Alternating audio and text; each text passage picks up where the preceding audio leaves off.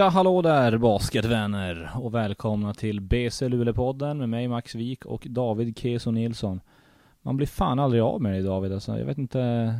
Du bara kommer tillbaks hit varenda gång. Jag har sagt kom inte hit, vi vill inte ha med dig. Du bara, du bara fortsätter komma hit. Det där är fake news, jag är hittvingad något så inåt. Något så inåt är jag hittvingad. Det värsta av allt var att vi, först sa jag klockan 14 så var vi tvungna bara nej jag kan inte, 14.40 kör vi och så började pusha fram det och anpassa oss efter dig hela, hela tiden. Ja, alltså, det har att göra med att vissa har ett riktigt jobb med riktiga tider och anpassa sig till och kan inte sitta och photoshoppa hela dagarna och, och sen slänga in en podcast där vid 14 kanske. Utan jag har ju en, ja, jag har ju tyvärr ett schema som jag måste följa då. Ja, det är, sva, det är svammel David. Idag har vi klubbdirektör Lars Mosesson med oss som gäst. Välkommen. Tack så mycket. Hur känns det? Och vad, först, är det poddebuten för dig kanske? Ja, nu är det första och sista kanske. Har du lyssnat på några poddar? Självklart så måste man lyssna på dem. Du, eh, jag tycker vi börjar direkt med en krönika som du skrev nyligen. Eh, det är ett ganska aktuellt och intressant ämne. Du skrev en krönika om eh, svenska basketligan och att det måste bli fler lag. Berätta lite grann om vad du skrev där. Ja, det var ju inga nya grejer utan det var bara tycker jag att man skulle vakna upp lite grann och jag vill att eh, kanske man måste börja prata i Sverige om svenska basketligan också. Jag tycker det har varit alldeles för tyst om, om den svenska ligan. Och som jag säger, åtta lag, det är, det är alldeles för lite. Men nu har vi åtta lag och det, det är åtta bra lag. Det, kommer, det är en jämn liga och sånt, men vi måste få in flera lag. Och hur får vi in fler lag? Ja, det är som jag säger, det måste bli mer intresse på flera ställen och eh, som det är idag att det spelas elitbasket på åtta stycken ställen nu alldeles för lite. Och jag ser när man ser den här superettan att det finns ett antal lag där som måste, som jag säger, ha ett måste att de måste in, in i svenska basketligan nästa år. För det är jätteviktigt för våran idrott. Och eh, då pratar alla att eh, de kanske inte är tillräckligt bra och sådana här saker. Och jag tror att det är svammel man, när man ser på hur många spelare det finns i svenska bas, basketligan nu, hur många få svenska spelare. Vi har internationella spelare, vi har amerikaner, vi har, har alla, alla från alla europeiska länder. Så måste det finnas plats för svenska spelare också. Men det är det att det är klubbar, det är antal personer i föreningen och klubbar som saknas. Och det är dit vi måste. Vi måste få med människor som engagerar sig för svenska basketligan och svenska basketklubbar för att, att, ta, att, det, att det blir flera lag. För som du säger, rent spelarmässigt, tittar man på ett lag som Djurgården, känns det som att de skulle kunna spela i ligan nästan idag. Ja, om man tittar på, som lag. Eh, och dessutom har man kanske chans att sätta in någon ytterligare import också, så då kommer de ju kunna vara där. Och alla som går in i svenska basketligan kanske inte behöver alltid spela för, för att vinna SM-guld. Jag tror till exempel, med all respekt för elitseriehockey nu, att jag tror inte att Mora spelar i, i elitserien ishockey kanske för att vinna, vi blir svenska mästare, men de spelar för att vara på högsta nivån. Så är det. Um, kommer vi få se dig tycka till i fler ämnen framöver då? tycka till, men jag tror att det där är viktigt. Jag tror att det där är viktigt att vi alla pratar. Man hör ju vissa klubbar som säger så här att vi har inte råd att anställa någon säljare snedstreck marknadsförare i en klubb. Och jag säger, hur kan man prata så? Alla klubbar måste ha råd att anställa marknadsförare, säljare till sina föreningar. För den här sporten säljer inte någonting av sig själv. Det spelar ingen roll hur bra lag du har, så kommer du inte få in de cashen, du kommer inte få in den publiken, du kommer inte få in de här eh, fansen att komma om man inte har människor som jobbar med produkten på, från på ett kontor, på ett kansli. Utan man måste ha ett engagemang i föreningen. Det är det som gör ett intresse. Så är det. Eh, vi ska snacka lite om säsongen som är nu också. Eh, och säsongen som har varit. I fjol blev det guld första gången på tio år. Tillbaks på toppen, BC Luleå. Eh, det måste kännas ganska bra som klubbdirektör. Det är alltid roligt att vinna och eh, sen tror jag, vet man ju inför varje säsong är det bara ett lag som kan vinna. En förening som kan vinna. Alla andra har inte gjort det dåligt, men i Luleå är det ju så att vinner man inte så är man det är väl det som är tjusningen att det samtidigt att då är, då är inte många nöjd jag säger, vi har inte varit nöjda under åren vi inte har vunnit, men allt vi har gjort under de här åren har inte varit skit heller. Vi har faktiskt jobbat ganska hårt i den här klubben under de här, de här åren fast vi inte har vunnit. Men det är svårt att vinna. Så det ska sägas att vi har en liten speciallösning här när vi gör podden idag, där vi skickar runt micken, så om det blir något litet avbrott när så är det för att David knackar mig på axeln eller något sånt här. Så att det, det får ni leva med helt enkelt. Um, jag tänkte fråga dig om landslaget. Vi har ju inga landslagsspelare faktiskt i BC Luleå. Hur ser du på det? Självklart. Eh, om man ligger högst upp i tabellen också så tycker man faktiskt att man borde ha någon landslagsspelare. Men samtidigt är det ju så att det inte är vi som är ansvariga för landslaget utan där har man ju ett antal förbundskaptener som bestämmer om det och de har, de har tagit ut sitt lag och eh, då är det väl så att de bästa spelarna där. Fast eh, så, så, så kommer det ju alltid vara bedömningar av vem som inte ska vara med och inte med. Jag har ingen åsikt om det. Han, han har nog tagit ut de, de spelarna han tycker ska vara med. Jag är ju högst partisk i Adam Rönnqvist-frågan så jag försökte väl hetsa fram det lite grann. Om du, hade, om du hade något att säga där. Eller vad säger du David? Eh, jag kan inte kalla mig själv för opartisk i den heller. Det är, jag vet inte, jag, jag ser inte en jättetydlig gräns mellan spelare som Walter Lindström och Tim Skyberg som får vara där och, och Adam Rönnqvist. Men, men det är som, som Lasse säger så är det väl. De vet väl säkert vad de gör kanske. Det är bra. Eh, vi ska göra som vi har gjort med alla andra, att vi backar bandet och börjar prata om din basketresa från början. Eh, hur blev du, hur hamnade du i basketsporten från första början? Jag kommer ju från eh, ursprungligen från Gällivare och där började man ju i en klubb som heter Dundret Basket och började jobba som tränare och fick, man var ju relativt ung då så man fick ju, basket var ju en ung sport så man fick ju ganska mycket ansvar på en gång och vara, hjälpa till i den klubben. Och så höll man väl på ett antal år och sen hade jag förmånen att komma in på Bosön så jag gick ju där då under två år och slutade på Bosön 1988 tror jag det var och eh, tror jag slutade en juni, 10 juni och fick jobbet här på måndag redan så det vart bara helgen och så flyttade jag till Luleå och började, började jobba åt klubben. Och då har jag varit i den föreningen under, under, under hela tiden med ett undantag under en tvåårsperiod där jag jobbar med ett annat jobb. Hur blir man klubbdirektör? Är det så man gör? Man söker till Bosön och sen blir man det? Ja, man fick väl den titeln via journalisterna, för man var väl inte det när man började, men så har man väl blivit det tack vare media som har ändrat titeln på en, så vad heter och nu, nu råkar man vara klubbdirektör.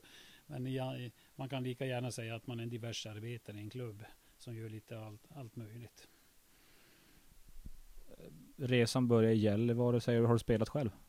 På mycket låg nivå, på division 2 nivå har man varit och härjat. Inget ont om division 2? Nej, inte alls eh, ont. Det, men eh, man var ingen större spelare, det kan man inte säga. Sen har man väl gått den där utbildningsstegen. Man har väl utbildat förbundstränare och, eh, och gått på Bosen. Så man har ju fått det där intresset för själva sporten i alla fall. Du har haft lite tränaruppdrag i Luleå också vet jag. Ja, man har ju tränat för ja, sin Hökens pojkar 94 har man väl tränat. Och det lyckades vi nå ganska fina framgångar med. Och eh, sen har vi varit, varit tränare för Höken basketdamlag också. Tror vi spelar faktiskt i division 1 då. När jag, när jag höll på. Det ingen sug att ta över någon lag igen då? Nej, nej det, det, tar för mycket. Jag är alldeles för tokig för det där. Så jag mår jävligt bra bara sitta och titta på matcherna nu. Här, här har jag faktiskt, det, namnet har kommit upp, jag har ju suttit i Hökens styrelse någon gång. Och namnet har kommit upp när vi har sökt efter tränare till, till herrlaget någon gång så här.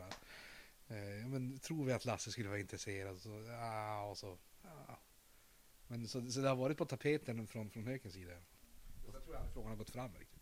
Då får han frågan här och nu då. Vill du ta över Hökens eh, herrlag? Jag tror inte min son skulle gilla det, så vad heter han spelar där så vad heter det? Nej, jag, jag, jag, jag är nog inte aktuell för det nu. Um, när du började i klubben då, eh, 88 sa du det? Eh, då hette ni Plannja. Eh, hur, såg, hur såg klubben ut då?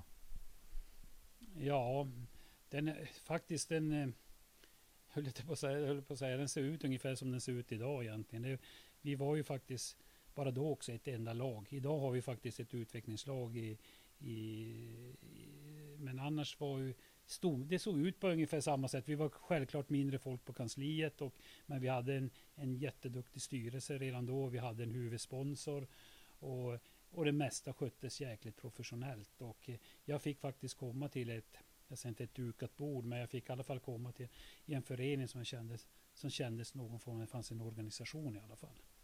Och det har jag haft under alla mina år jag har fått jobba med, med det här jobbet. Att jag alltid haft förmånen att få jobba med, med en bra styrelse. Och en styrelse som vet vad de ska göra.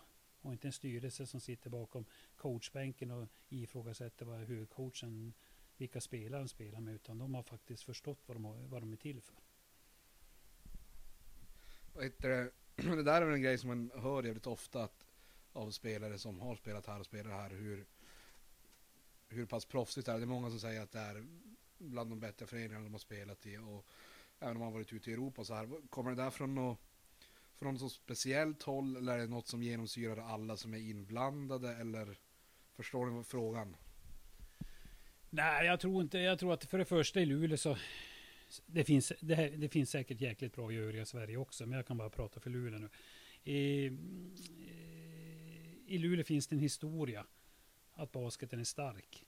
Sen har vi haft förmånen att vi har haft, ett, några, vi har haft tre stycken huvudsponsorer och vi har haft mycket bra samarbetspartners under resans gång också. Och de här huvudsponsorerna har faktiskt gett att klubben har funnit det med ekonomi, att det alltid på något sätt det har fixat sig. Fast det, att bedriva elitidrott är tufft varje dag för att få ihop det. Men på något sätt så har vi, på grund av att vi har haft en huvudsponsor bra, med bra andra sponsorer, så har det alltid löst sig på något sätt. Och eh, de personer vi har haft då som ordförande genom åren, Ulf Öhman, Tore Savander och allt vad de nu heter, de lärde sig och lärde mig framför allt var staketet skulle vara. Du, du, ditt jobb som kanslichef eller klubbdirektör, klubbdirektör det är innanför det här staketet. Bara du håller dig innanför staketet så kommer det här funka. Men kliv inte utanför för då smäller det. Nu skojar jag lite grann. Men alltså så har man fått jobba och eh, det är det tror jag som har varit en bit av våra framgångar också. Att vi har kunnat Styrelsen har haft, de har lagt fram direktiven, det här ska vi göra. Och så har vi varit några som har fått utföra jobbet. Har du varit på väg att kliva utanför staketet någon gång? Ja, nu har jag säkert klivit av några smulor mer än en gång, men, men jag har i alla fall rest på mig i alla fall. Så, så nej, men vi, vi, vi, vi, vi har haft ett otroligt, jag har haft ett otroligt bra samarbete med, med de människorna. De har lärt mig mycket. Nu ska vi se om jag kan min historia. Jag tror att basketligan startades 92, 93. Var det så? Eh, 92, 93 och då fick ni en ganska stor publikökning i samband med det va? Visst var det så? Jag tror att vi, eller tror, jag tror att vi gick faktiskt från 430 människor i snitt till ett snitt på drygt över 1700-1800 någonting. Och det var ju tack vare basketligan. Det var ju ett år 92. Det var de olympiska spelen när Dream Team kom med Jordan och alltihop till Barcelona. Och det vart ett jäkla uppsving. Och det var ett 100-punktsprogram som man skulle jobba med.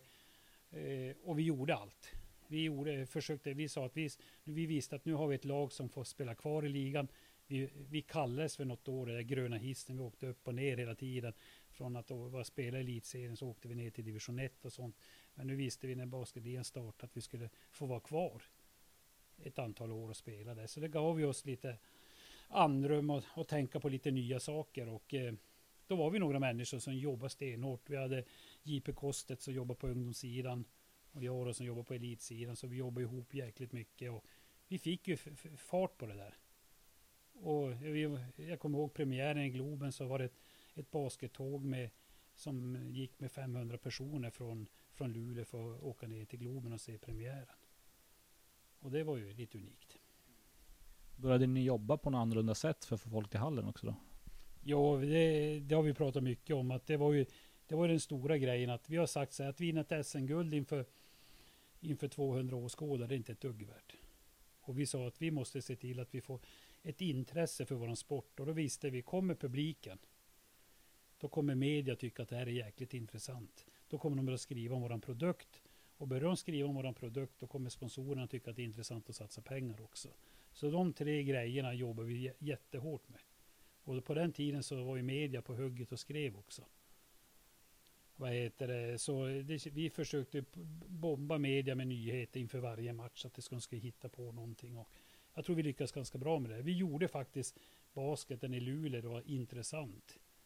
Jag vill inte att vi jämställs med ishockey, men eh, hockeyn är jättestor. Men vi fick i alla fall upp basketen på en, på en jäkligt hög nivå i alla fall. Och det är vi stolta över. Och det är det som är viktigt för att den här sporten ska växa, det är att man får med sig media. Och i samma veva där så eh, värvade ni en kille som heter Erik Elliot också. Vad hade det för betydelse för allt det här? Han var ju jätteviktig. Han är, som jag brukar säga, att Elliot är en del av vår logotyp. Han betyder framgång, att vi vinner. En annan som betydde otroligt mycket, som aldrig kanske fick lite, så mycket cred för det han gjorde, det var Charles Barton. Utan Charles hade vi aldrig varit där vi hade varit heller. Han såg till att, att vi fick spelare att flytta till Luleå. Att det kom spelare som ville komma till Luleå och spela. Det var i alla fall att komma till en klubb som aldrig hade vunnit någonting. Som valde ändå att komma till Luleå. Och det var hans driv, hans engagemang som gjorde att, folk, att, att spelarna kom hit. Och det var han som värvade till exempel Erik Elliot då? Jo, han var ju över till USA och tittade på honom. Han kom ihåg han kom ett, ett VHS-band tillbaka från USA. Så satt vi hemma i min lägenhet tillsammans med några i styrelsen. Åke Larsson, och tror jag, Ulf Öhman och Tore Savander faktiskt. Och satt och tittade på Erik Elliot. Och, och då tyckte vi alla, han ser väl bra, bra ut. Så, och det var väl ingen felrekrytering kan man säga. Utan det, det, det kändes jäkligt bra faktiskt. Du pratar om Charles Barton, han har som funnits med, även, för, även om han inte har varit coachat så har han ändå, känns som att han har funnits med på något vis alltid i föreningen. Är det, är det en eh, korrekt eh, spaning eller vad säger du? Jo, det är ju, det är ju så. Han, han, han spelade, han var ju faktiskt i klubben långt före mig. Han kom ju hit som spelare. Var det 1974, 77? Ja, ja, ja det, de, det var ju så långt före mig. Så. Men han kom ju hit i alla fall som spelare och var väl, han var väl han och Joe Copeland som var våra första amerikaner i klubben. Och jag glömmer ju aldrig, när, det var faktiskt när jag tog upp, fick kontakt med honom första gången. Det var när jag skulle få ner och se landslaget spela i, om det var i Malmö eller i Helsingborg. Vi flög i alla fall till Malmö. Då råkade jag hamna i, hamna vad heter det, i, i stolen bredvid honom på flygplanet. Han skulle coacha landslaget. Då. Och då frågade jag bara på vägen, vad, vad, vad ska du göra efter att coacha? För det var hans sista säsong med landslaget. Ja, jag vet inte, sa han. Men så då kan du komma till Luleå och börja coacha där.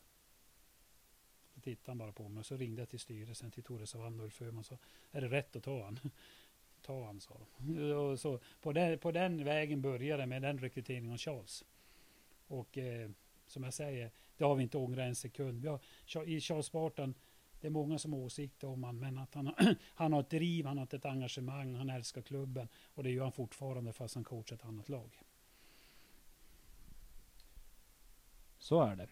Um, du, som du säger så har du varit med i föreningen länge, du, men, men det var något år där du inte var med. Uh, då gick du och jobbade för ett annat företag. Hur, hur gick tankarna där när du, när du klev bort från klubbdirektörsrollen och Plannja? Eh, jag var, man, var började, man var lite less på sig själv. När man eh, kände att man, man gör inte samma saker, men jag kände att lite jag ville göra något annorlunda, något, något nytt. Samtidigt så fanns ju bakgrunden, jag fanns ju med, jag satt ju med i styrelsen då. Och det tror jag man inte ska göra. Den dag man slutar som klubbdirektör så tror jag man ska sluta. Då ska man inte sitta med i en styrelse heller. Då, då ska man göra någonting helt annat. Men nu vart det så att jag blev kvar i styrelsen och, och var med där. Då. Och sen efter ett par år så kände, var det någon i styrelsen som tyckte fan, då kan vi komma tillbaka och köra det racet i alla fall. Och det är så jäkla roligt det här jobbet. Och eh, jag måste säga, när man bytte jobb också kände man under hela tiden det saknas någonting. Jobbar man med, med elitidrott och i en basketklubb så är det svårt att, att släppa det. Det är för jäkla roligt. Det är, många kan ju tycka att man är tokig, att man orkar det där. Men samtidigt, det är en klubb och där det hela tiden händer saker. Så, så nu, är, nu är man tillbaka. Var, var det ett enkelt beslut när, de, när du fick frågan? Ja, det, det var det. Det kändes att det var läge att göra det. För det var ett gäng där också som det var ord, några till i styrelsen som sa att vi måste försöka reda upp. Det var några saker vi var tvungna att fixa till. Så det kändes att det var att vi skulle ge, göra en resa då också. Och vi gjorde en jäkla resa. Det var ju de där tunga åren när vi inte har vunnit nu. Men, eh, eh men det var kul det också, att få uppleva det. Det är inte alltid bara... Det är, det är lätt att vara ledare när man vinner, men det är svårare att vara ledare när man förlorar. Har du några andra särskilda minnen från alla år i den här klubben som, som sticker ut när du tänker tillbaks på, på alla år som har gått? Ja, nej, det är så jävligt mycket men Nej, det kan jag inte säga. Det, det är självklart alla de här åren man vinner guld och att det, att det, att det är skoj. Och även Europacupspel och får spela i, i Super League första året. Och ja, det, vi fick ett wildcard att vara med där. Visst var det stort att få veta att man ska möta lag som Maccabi Tel Aviv och alla de här lagen. Att det är ju lite på annan nivå än vad vi möter idag. Va? Men vi har fått göra det i alla fall. Och sen om vi, jag vet, vi kanske aldrig mer får göra det någon, någon mer gång i, hela livet. Och att, gör, att möta sådana där lag. Men vi har gjort det i alla fall. Och eh, det är någonting man inte vill vara, vara utan i alla fall. Sen nu, den resan man kommer ihåg, du är alla fantastiska spelare. Den här klubben hade ju aldrig varit någonting utan våra spelare. Alla nya spelare som kom till Luleå. Allt från Dennis Olander, Gerke, Jonas Larsson och allt vad de heter så är det fantastiska spelare som har varit i Luleå. Och det är ju de som är ganska skönt att träffa nu för tiden och veta. De hade jäkligt bra år i Luleå. Jag tror inte att det är så många. Jag vet ingen som pratar skit om klubben. Och det är ju både bra betyg både till spelaren och till klubben att det inte är på det sättet. Det är fortfarande våra vänner fast de finns i andra föreningar. Jag tänker på Super League och det här. Det känns som det är lite bortglömt hur stort ändå det var. Alltså, för det var ju en, eh, en eh, vad ska man, toppliga, eller vad man ska kalla det, turnering i, ute i Europa. Som du säger, nu möter Maccabi Tel Aviv. Vad kan du säga mer om det där som, som hände i Super League? Nej, men vi fick ju ett wildcard att vara med där och det var ju, då var det högsta nivån. Och det var lilla Luleå med på den. Och, men det var ju så att det var så tidigt det där också, att det var kanske Norrbotten och Sverige, var, vi var inte riktigt mogna för det där. Vi var ingen som förstod hur stort det var egentligen. Ja, men de där matcherna direkt sändes nästan i alla länder, men i Sverige visar man knappt bilder på sporten. Så hade det varit idag så hade det varit något helt annorlunda. Men eh, samtidigt så gav det ju klubben någonting. Det gav klubben lite styrka. Eh, ja, att vinna, fortsätta vinna mästerskap, fortsätta, fortsätta få hit spelare, fortsätta att växa på, på marknaden bland sponsorer och sådana här saker. Vi hade ju sådana stora företag som Ericsson och några till som, som var med på grund av att vi var, hade den där, gjorde, gjorde den där satsningen. Det hade vi all, de företagen hade, hade vi inte varit med om inte vi hade varit där. Visst är det så. Um, hur tänker du framåt då med BC Luleå? För nu är vi tillbaka i Europa. Eh, vi har spelat Champions League två matcher den här säsongen. Vad, hur går tankarna framöver med Europasatsningar och så vidare? Ja, det där hade vi ju faktiskt upp i styrelsen i år. Och vi, vi har ju inte varit med där, för vi har sagt att vi ska vara ett finallag för att ens eh, prata om det. Och det, det är ju ett tag sedan vi var i final nu. Och nu, nu råkar vi vinna den här säsongen. Då tog vi styrelsen ett, styrelsen ett beslut att vi skulle spela Champions League-kvalet.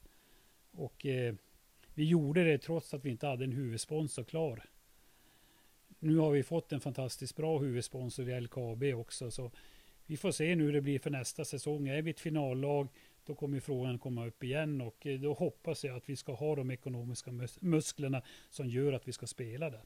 Men vi kommer aldrig sätta klubben på att chansa för att spela det. För vi vet att det kostar pengar. Vi vet var Luleå ligger, vi vet hur vi måste flyga och allt vad det kommer kosta. Så men har vi möjlighet och är vi topplag så kommer vi, och, och musklerna, ekonom, ekonomin är på, i, i, balans, då kommer vi försöka. Så mycket kan jag säga. Är det så att vi har haft förfrågningar tidigare om att vara ute i Europa igen, men tackat nej för att vi har känt att ja, vi, vill inte, vi vill inte äventyra ekonomin? Ja, så är det. Samtidigt har vi satt ett mål i styrelsen att vi ska, ska man spela i Europa så ska man vara ett topplag i Sverige. Är man fyra eller femma i Sverige, då ska man inte spela i Europa. Men är man etta, tvåa eller något sånt, då ska man vara med. Tycker vi. Jag tänker på, du säger, som du säger, där, Luleå ligger där det ligger, det är långt upp hit. Det, är, det kan vara lite krångliga flygresor och, och det kanske, det kanske adderar någon, någonting när man ska rekrytera spelare också. Att de ska flytta långt upp till Norrbotten, det är kallt och mörkt. Och hur mycket har ni tampats med det genom åren när ni har rekryterat spelare och sådana bitar? Ja, det är så här, man får hela tiden det, i början, speciellt i början när de inte kände till klubben på något sätt. Då fick man jobba mycket med det där. Nu är det argumentet nu varför spelare kommer komma till, till Luleå. Det är för att jag tror att kommer man till Luleå så är basketen intressant. Och håller man på med någonting som spelare så är det roligare att spela i en klubb där, i en stad där man tycker att basketen är intressant än när man flyttar till en stad där man tycker basket är bara så här. Eh, och det är det vi jobbar mest med när vi rekryterar spelare nu. Det är inte att vi alltid ger mest pengar. Det, det tror jag inte vi gör, utan det är att vi försöker göra att säga de här orden, att flytta till Luleå. Många kommer uppskatta er, det kommer vara krav på er och eh, det är därför vi vill att ni ska flytta hit. Sen får man brottas med de här grejerna om mörker och sånt, det är speciellt förut. Och nu har man väl tappat någon spelare på grund av det. Och eh, Per Stymer var ju en sån spelare. Om vi säger någon man har misslyckats med i alla värvningar man har försökt. Så Stymer höll man på ett helt år med att försöka rekrytera och trodde namnteckningen var klar. Men på Järva krog så ändrade han sig i sista sekund och inte skrev på. Men han missade ett SM-guld på det sättet också. Brad Dean blev den första guldcoachen i BC Luleå. Uh, han tog det första guldet. Uh, vilka coacher har betytt mest? Vi har ju nämnt Charles Barton, men vilka andra coacher har betytt mest för den här föreningen? Jag tycker alla coacher vi har haft, eh, under, nu jag pratar i alla fall de åren jag har jobbat, så alla coacher tycker jag har varit rätta coacher där klubben just då befunnit sig. Och eh, det är lätt så här efteråt att säga så, men jag säger jag hade inte velat ändra på någon. Jag tycker de coacherna vi har haft har gjort ett fantastiskt jobb eh, utifrån de förutsättningarna. En annan sak som är lite unik också tror jag. Jag tror att alla coacher nästan har varit med när vi har rekryterat nästa coach. Vi, om vi säger när vi om vi säger sista exempel med Fredrik Julamo, när vi hade han, när vi anställde Peter Ökvist så var faktiskt Fredrik med i den processen när vi, när vi anställde Peter. Och även när vi hade, jag kan säga när vi hade Brad Dean så var han med och faktiskt och pratade om Bill McGarity. Dave Vischer var faktiskt med och pratade om Mattias Kente. Och Mattias Kente var med och pratade om, om Julamo och sånt där. Så vad heter det? Hoppas jag sa rätt nu. Men eh, det är faktiskt lite unikt det också. Och det visar ju att när man gör ett avslut med en coach också inte alltid man, man sparkar inte coachen utan man, det, det, är ett avslut. Man har haft ett kontrakt och alltihop. Och jag har haft den förmånen att jag aldrig behöver sparka en tränare. Eller klubben ska vi säga har inte behövt, behövt göra det och det är också ganska skönt. Och eh, det, jag tror att det är alldeles för lätt att se att man inte når framgångar. Då tittar man på tränaren och sen, sen tänker man vi byter ut tränaren så blir allting bra. Men så enkelt är det inte. Hur ser kontakten ut med alla gamla tränare idag? Ja, jag, jag, tror, jag tycker själv jag har ganska bra kontakt med alla. Det är självklart vissa har man mer kontakt. Vi, Mattias Kente låter sig bestämma om våran hall nu här och, och han är chef här på arenan. Så, men det är klart, han har man mycket kontakter med. Och Dave Wischer coachar ju våra tjejer, damlaget här i Luleå. Så, och Charles är ju varje dag han ringer, och, eller vi ringer till varandra. Så, så det är ju många som vi har jättebra kontakt med. Bradina och Bill McGarrett är lite mindre, men det, man pratar ju med dem någon då och då i alla fall.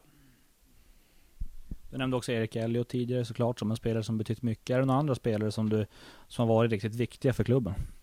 Och det, är ju, och det är ju bara att snegla upp i taket och titta på de tröjorna som hänger i taket. Det är ju, om man tittar, det är ju, vi har fyra linnen där uppe. Det är Dennis Olander, det är Elliot och det är våra två egna produkter, John Rosendahl och Håkan Larsson. Och det är fyra killar som har satt spåren i vår förening.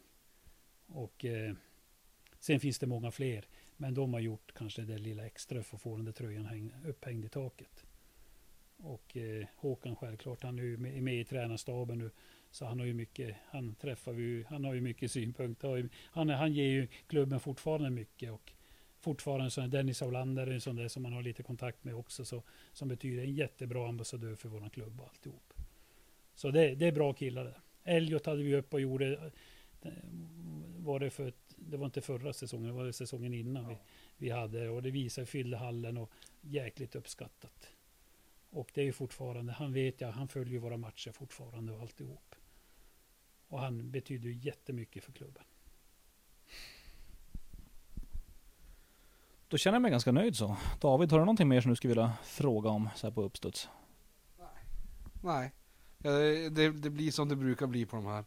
Oftast. Jag sitter och lyssnar och så det är bra grejer bara. Jag tycker det kommer jättefina frågor och instick här David. Det värmer jättemycket Max.